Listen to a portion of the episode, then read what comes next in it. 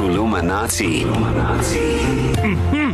Hope you're ready. Utisha Sky Shabalala is ready to teach us a phrase, a word, a sentence, a proverb in isiZulu. Keep your phone handy. You've been doing very well last couple of days. Big people and small people. You've been doing amazingly. You need to try out today's Kuluminati by sending a voice note. I want to know who you are, where you're going, what your vibe is, and send that voice note of you trying today's Kuluminati to 061 792 9495. And with that, we say, Sawubona, Tisha. Sanibonani bafundi. That's better today. Mm-hmm. Look at that. Um, well done again for yesterday, Darren Moore, Kerry Miller. Obviously, all is smashing it. Tisha. So again today, three words. Mm-hmm. Three. Just like yesterday. Just three words? Three words. Teacher, I'm loving Yeah, you. three words. I will bring you an So apple it's, it's tomorrow. been a long year. Yeah. Okay, we're going to Christmas now, get December boss, and we're Yeah. just going to keep it nice and chill. To December boss. That's a is. nice Next. one. Three December words. boss. Keep Yeah, December boss. Um, do you have any children? Yes, just one. Yeah.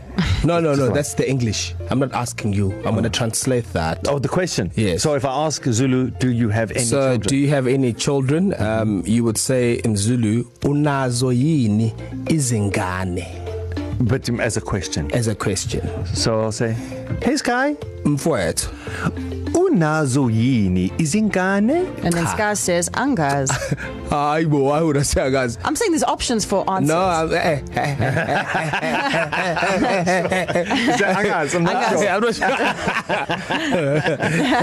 I'm Chengu. It's a no from me. Sure, sure. Shocking. Unazo yini From Freyhead izingane. to PE. From sure, Frey sure. to P to Town to Joburg to Waterford to. Hillcrest to Umschlangs.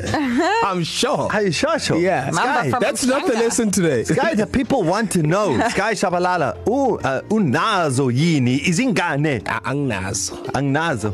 Azikolo. Oh, azikho. Azikho. Lutho. Lutho. So there it is. Do you have any children? Unazo yini izingane?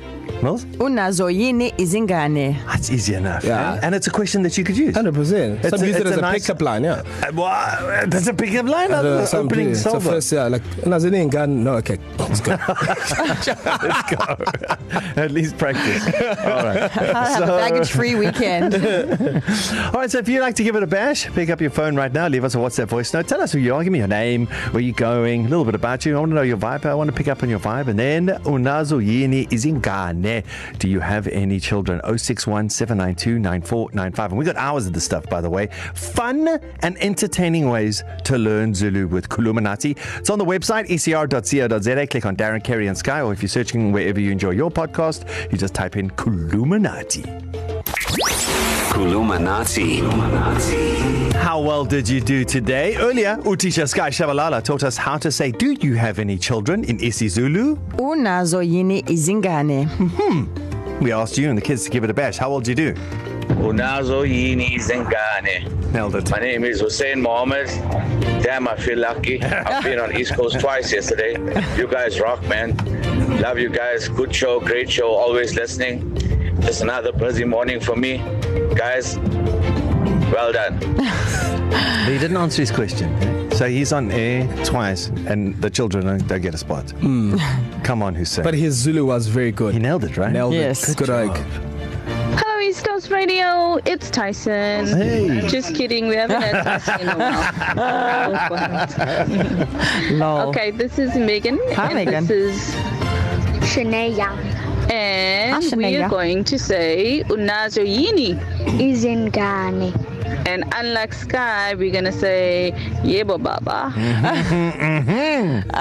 Teamwork makes the dream work, huh? Hey, how's that one? There was no T's and C's on that. It couldn't be a family. No, no, I'm saying it's good. Yeah, yeah, nailed it. Nailed it. Good job. Hello East Coast, it's Kristen. How's it? I mean, I live in Pinetown mm-hmm. and I'm going to school right now. Oh.